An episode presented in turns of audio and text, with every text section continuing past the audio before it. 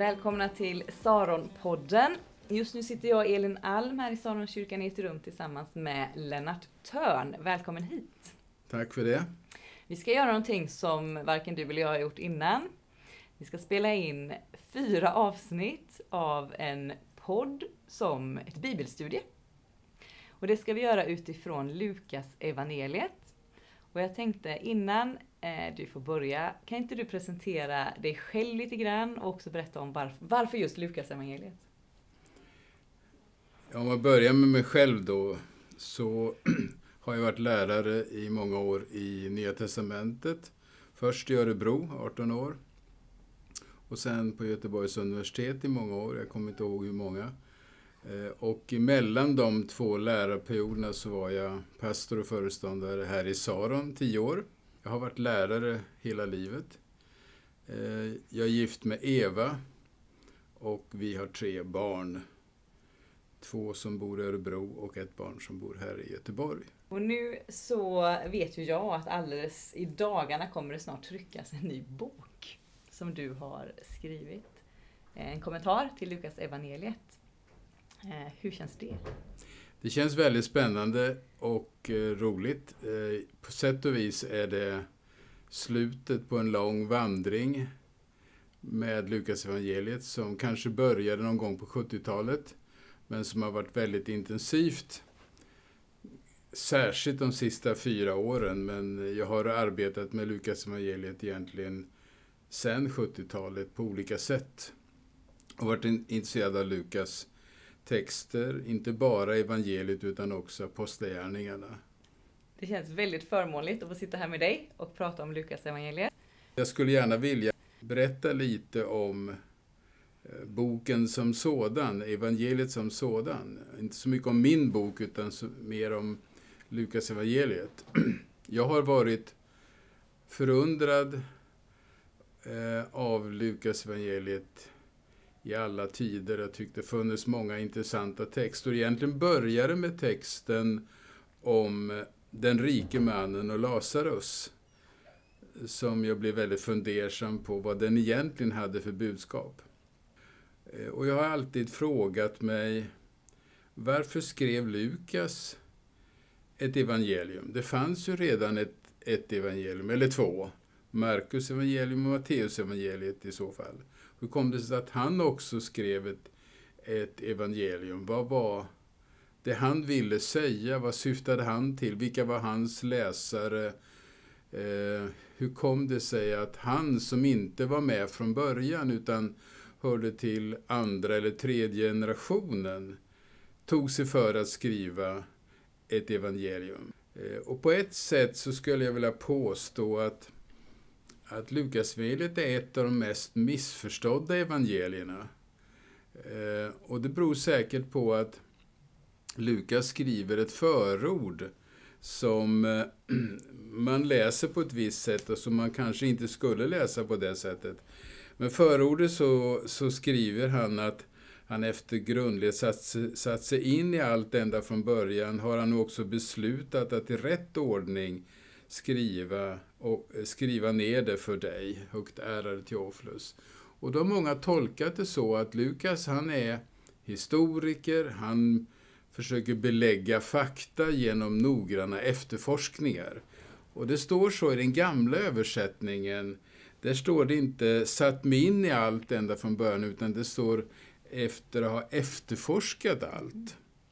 Och då tänker man sig Lukas som en forskare som granskar data, fakta och så och belägger fakta genom sina undersökningar. Det är en slags modernitetens syn på, på Lukas som evangelist.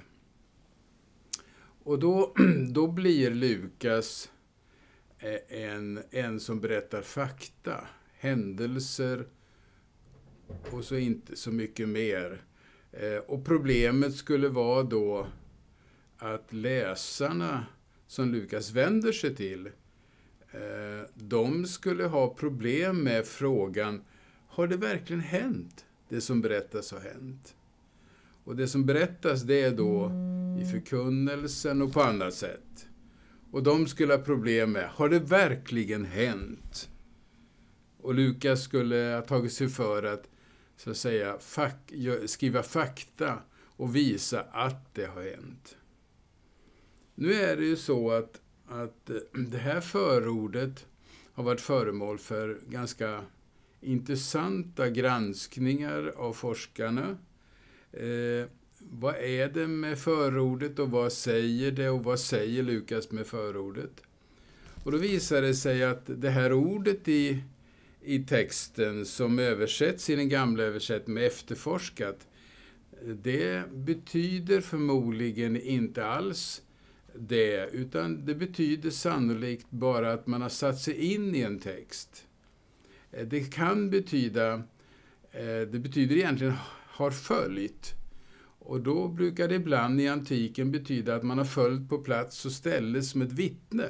Mm.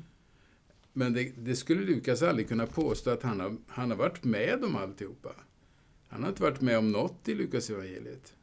Ingen händelse. Han levde kanske som ung, men han, var, han bodde inte i Palestina, det är vi ganska säkra på. Så han har inte varit med om det här, utan han är beroende av andra som varit med om det. Ehm, så det kan han inte ha menat att han har följt allt på ort och ställe, utan han kan ha menat att han har satt sig in i det som berättas har hänt. Och det som berättas har hänt, det kan vara ganska mycket, men det är en del skrivet. Förmodligen så, på hans tid så finns Markusevangeliet. Och det finns kanske andra texter skrivna, framförallt finns det en mängd berättelser, muntliga berättelser och muntliga återgivningar av Jesus ord. Och man skulle kunna säga att det finns ett behov av att, att sätta samman det där, få en röd tråd, få en, skapa en berättelse av allt det man hör. Sätta sig in i det och skapa den där berättelsen. Och det är det som Lukas åstadkommit. På ett mycket enkelt och genialiskt vis enligt min mening, men skapat en, en berättelse från början till slut. En slags biografisk berättelse av Jesu liv. Och det är ganska skickligt gjort.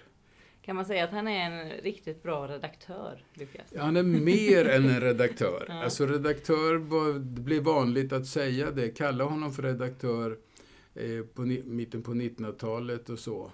Eh, men, och kanske tidigare. Eh, men Lukas är mer än redaktör. Han är en författare. Han är en teologiskt inriktad författare. Och jag hävdar, utan att jag kan lägga ut det här, men jag hävdar med ganska stor bestämdhet att inte så få berättelser, kanske inte minst vissa liknelser och andra berättelser, de sätter Lukas på pränt för första gången. Vi vet ju inte exakt var han eh, växte upp och var han levde, men vi vet, och jag skriver om det i min bok, vi vet att han var kunnig i, i Septuaginta, han kunde naturligtvis grekiska, han skriver ganska fin grekiska i början av sin Eh, eh, av, av e-, evangelieberättelsen i prologen. Han eh, kanske rörde sig i en judisk miljö. Kanske inte som jude, för han var förmodligen hedning. Men han var nog en sån där hedning, eller hörde till en sån hednisk, en sån hednamiljö som knöt an till synagogan. De kallades ofta för de gudfruktiga. Det var hedningar som solidariserades och sympatiserade med judisk tro och liv. Kanske var han det från barnsben. Han kunde så att säga det bibliska språket. Och i denna miljö som han växte upp i så lärde han sig att uttrycka sig på ett bibliskt sätt. Så att han har bibliska formuleringar och bibliska bilder och bibliska minnen och bibliska texter aktuella det han skriver. Sen kan man fundera över hur det var med honom som kristen. Om han konverterade till kristendomen själv eller med sina föräldrar, det har vi ingen aning om. Men han var förankrad i kristen tro. Eh, vi vet från apostlagärningarna att han under perioder av sitt liv Eh, var verksam tillsammans med Paulus. Kanske inte särskilt lång tid, men vissa, vissa tider så var han verksam tillsammans med Paulus. och eh, fördjupade sig i den kristna tron i allra högsta grad. Men i den miljö som han fanns i, så kanske fanns i Syrien, alltså inte så hemskt långt från Palestina eller Israel. I denna kristna miljö så förekom det naturligtvis mängder av Jesusord, mängder av berättelser om Jesus. Och jag har för mig att, som jag kommit fram till i, min, i mina undersökningar och mina studier av texterna, så har jag kommit fram till att det är inte otroligt att en del av de texter som vi har i Lukas evangeliet som Lukas är ensam om, de är han inte bara ensam om därför att han har fått dem någonstans ifrån, utan han är ensam om dem därför att han har för första gången satt dem på pränt. Till exempel gäller det liknelsen om den förlorade sonen. Det går inte att bevisa, men det är en teori som jag har. Alltså Lukas skriver ner, sätter på pränt eh, traditioner som är muntliga och som finns i hans traditionsmiljö. Alltså inte långt ifrån Israel och som säkert kommer från de allra första kristna. Och han berättar ju i sitt förord att, att eh, han är beroende av ögonvittnen som blev ordets tjänare. Och man kan tänka sig väldigt enkelt att de där ögonvittnena som var med Jesus från början, en del av dessa som blev ordets tjänare kom naturligtvis också till Syrien, inte långt ifrån Palestina eller Israel. Och hade med sig Jesusorden, hade med sig berättelserna. Och i den där miljön så levde de upp och formade kyrkan och det formade Lukas. Och Lukas sätter en del av de där berättelserna på pränt. Alltså han har ägnat sitt liv åt att lyssna in Jesusberättelserna, lyssna in Jesusorden. Eh, och funderat över, och kanske inte minst med hjälp av Markusberättelsen, hur hänger hela berättelsen ihop? Eh, var började och var slutade? Och han, han formulerar en berättelse om Jesus från början till slut. Och därför så tänker jag mig att man ska jämföra Lukas evangeliet snarare med en antik biografi än en antik historia. Jag är nyfiken på här när du berättar om Lukas har levt med de texterna så länge. Vad får du för förhållande till Lukas? Blir det liksom som en, en vän som du nästan ser framför dig eller är det när man jobbar så länge tänker jag med att grotta ner sig? Ja. Tröttnar du på honom? Nej, jag är inte trött. Nej. Nej, jag är inte trött på Lukas. Och det har ju kanske att göra med att när man, som det heter, forskar i bibeltexter och så, så är det ju inte bara själva bibeltexten man sysslar med, utan man sysslar också med mängder av annan sekundärlitteratur om eh, den text man forskar i. Och därför så har jag också levt, inte bara med Lukas, utan också med forskarna som offrat sitt liv på att förstå Lukas. En del av dem har ju levt mycket med och länge med eftersom deras böcker skrevs kanske i början på 1900-talet eller mitten på 1900-talet eller så. Men det är klart att Lukas, jag tycker ju att jag på ett sätt känner honom. Men man känner inte honom som person så mycket. Alltså, det har ju varit vanligt att eh, hävda att Lukas var läkare. Eh, att det är den tidiga fornkyrkliga traditionen. Jag betvivlar inte den. Eh, medarbetaren till Paulus, han var läkare och man kan ju undra varför en läkare var medarbetare till Paulus. Eh, det kan ju vara så enkelt att Paulus behövde en läkare med sig. Det är mycket möjligt. Eh, men när man läser evangelietexterna så är det inte så hemskans lätt att läsa ut att det här är en läkare som har skrivit den här texten. Eh, det var i slutet på 1800-talet och början på 1900-talet så var det några forskare som försökt argumentera för det och menar att begreppsapparaten i Lukas evangeliet den är väldigt medicinsk och så. Eh, sen, jag tror 1917 eller någonstans då, så skrev en amerikansk forskare som heter Henry Joel Cadbury som blev en av mina mina profeter, höll jag på att säga, han skrev eh, en bok om det. Han visade att det här med det så kallade medicinska språket, det är inte speciellt medicinskt tekniskt och man kan inte dra några slutsatser att, att det är en läkare som har skrivit det här. Eh, så den där ingången via språket att hitta Lukas, så jag försöker nu säga att det är inte Lukas som person eh, som är framträdande i texterna. Lukas är överhuvudtaget inte intresserad av sig själv eh, egentligen särskilt mycket. Alltså han använder sig själv kanske för att styrka sin text, men det är inte han som person som eh, intresserar honom. Han är intresserad av, av Jesus. Och egentligen så har jag kommit fram till att man skulle, skulle han har ju skrivit två texter, eh, evangeliet och apostlagärningarna. Och man skulle kunna sammanfatta de texterna i en och nu, nu säger jag någonting som vi, de flesta människor aldrig har hört, för det är nytt, eh, i alla fall som, som begrepp. Man skulle kunna säga att Lukas har skrivit om ordets tillblivelse och ordets tillväxt. Eh, det sammanfattar Lukas apostlagärningarna. Ordets tillväxt är inte så konstigt, för det står till och med i apostlagärningarna ett antal gånger att ordet växte, ordet växte. Det står inte kyrkan växte, eller församlingens växte, eller missionen växte, utan ordet växte. Ordet hade alltså framgång. Och det blev kyrka och församling av det. Eh, men evangeliet handlar inte om ordets tillväxt, utan om ordets tillblivelse. Och det fann jag i mina studier och som nu ligger till grund för titeln på min, min kommentar till Lukas evangeliet som jag kallar just ordets tillväxt. Ordets eh, eh, tillblivelse. Och det handlar alltså om hur blev den kristna förkunnelsen till? Och då kan man fråga sig, varför behöver Lukas skriva om det? Jo, det är det, det spännande med Lukas evangeliet. När man läser förordet så står det så här i fjärde versen. För att du ska förstå att de upplysningar du har fått är tillförlitliga.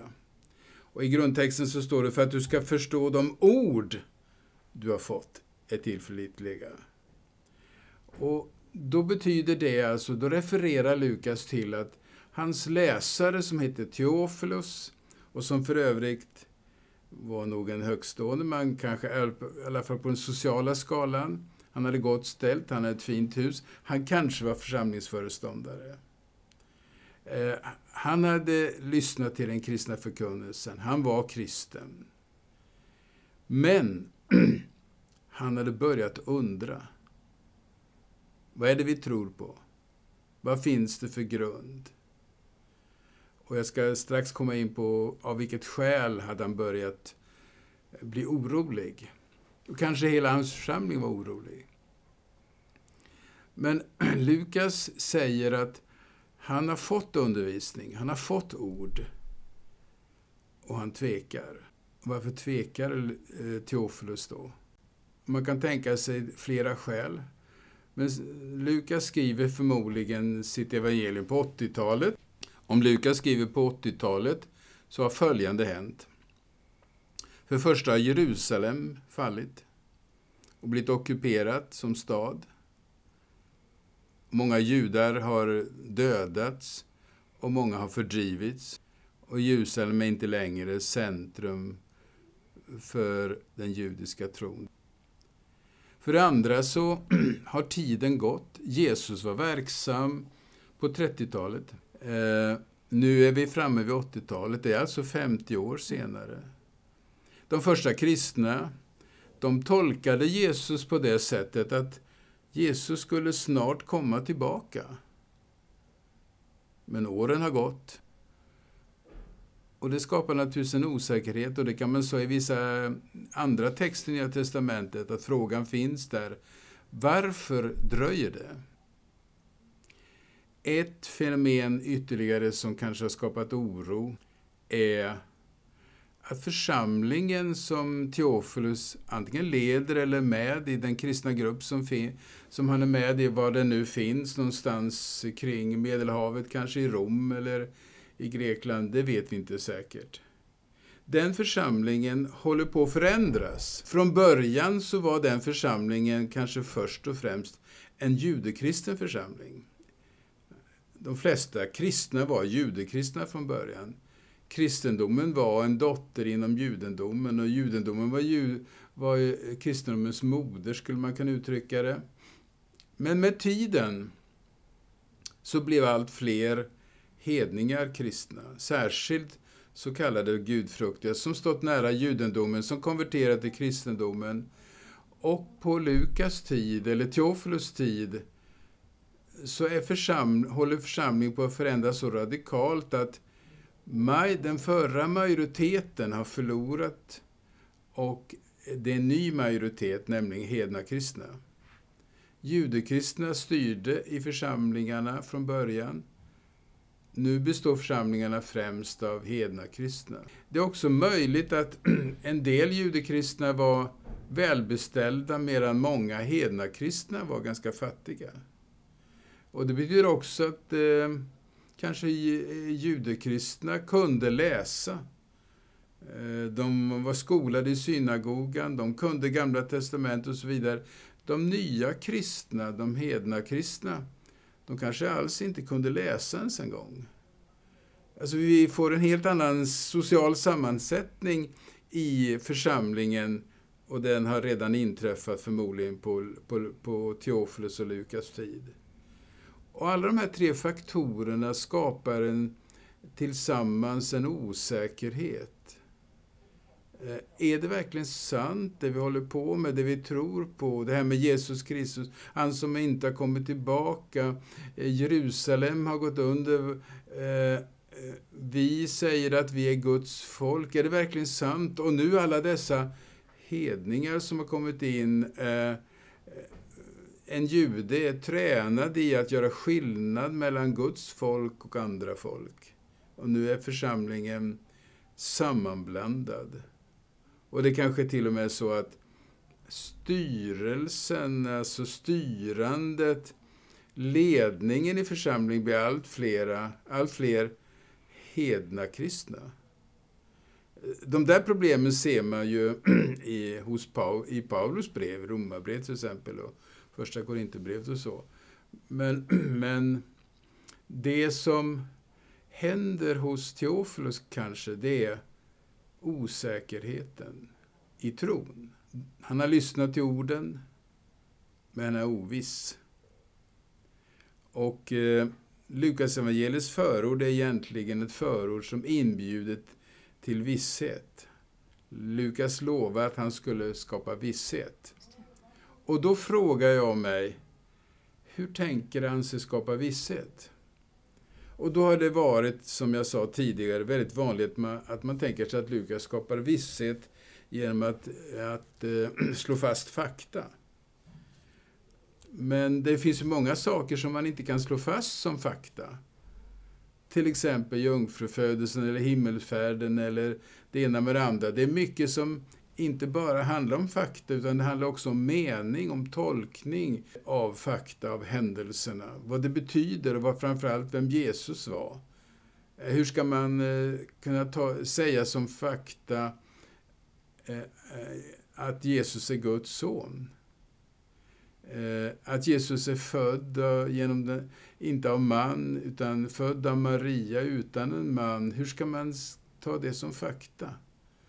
Eh, så det handlar mycket mer om tro och mening. Och då kan man säga att det Lukas tar på sig, det är att försöka skriva, beskriva storyn om hur förkunnelsen uppstod om Jesus.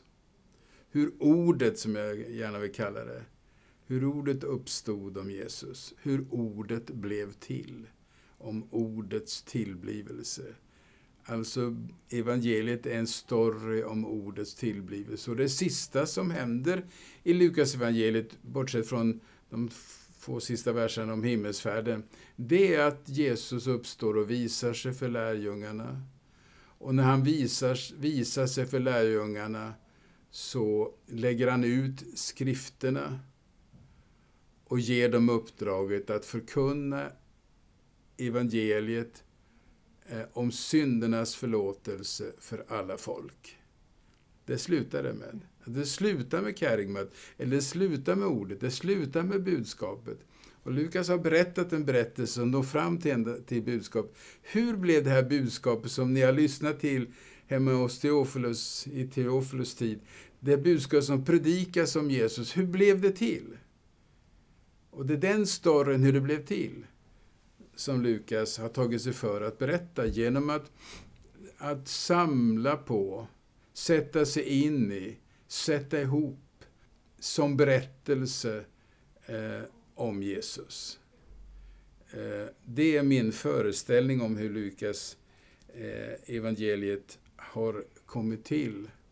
Och då kan man ju tänka sig att det här är en, det måste ha varit en lång historia. Det gick inte på en dag. Och man ska inte tänka sig så, eh, så förenklat att, att det bara var en samling eh, eh, texter som Lukas hade framför. Det är så modernt. Eh, och så satt han och, och sydde ihop dem, så, så här, text efter text. Utan, eh, som jag sa tidigare, Lukas har hört. Han har fått berättat. Han har levat i en miljö där det förkunnats. Där Jesus ord har förmedlats, där berättelsen om Jesus förmedlats. Och allt det där som han har hört. Allt har han samlat, allt har han satt sig in i. Allt har han frågat efter. Hur hängde det här ihop? Hur blev det en förkunnelse om Jesus? Och det är mer än historia med andra ord. Det är historiens mening som Lukas berättar. Eh, eh, Jesu livs mening som Lukas berättar. Och så återger han återger han berättelserna, den ena efter den andra. Så det är alltså inte, jag försöker inte säga att Lukas har satt sig ner vid ett skrivbord och så har han producerat en massa texter, utan han har, han har lyssnat in texterna, han har tagit emot texterna, han har tagit emot berättelserna. Och han har format en, en berättelse med en början, en mitt och ett slut, som man brukar uttrycka det, som är typiskt en berättelse. Tack så mycket Lennart för den här första delen i vår serie kring Lukas evangeliet. Fortsätt gärna lyssna på de som kommer här framöver i dagarna. Saronpodden produceras av Saronkyrkan i Göteborg.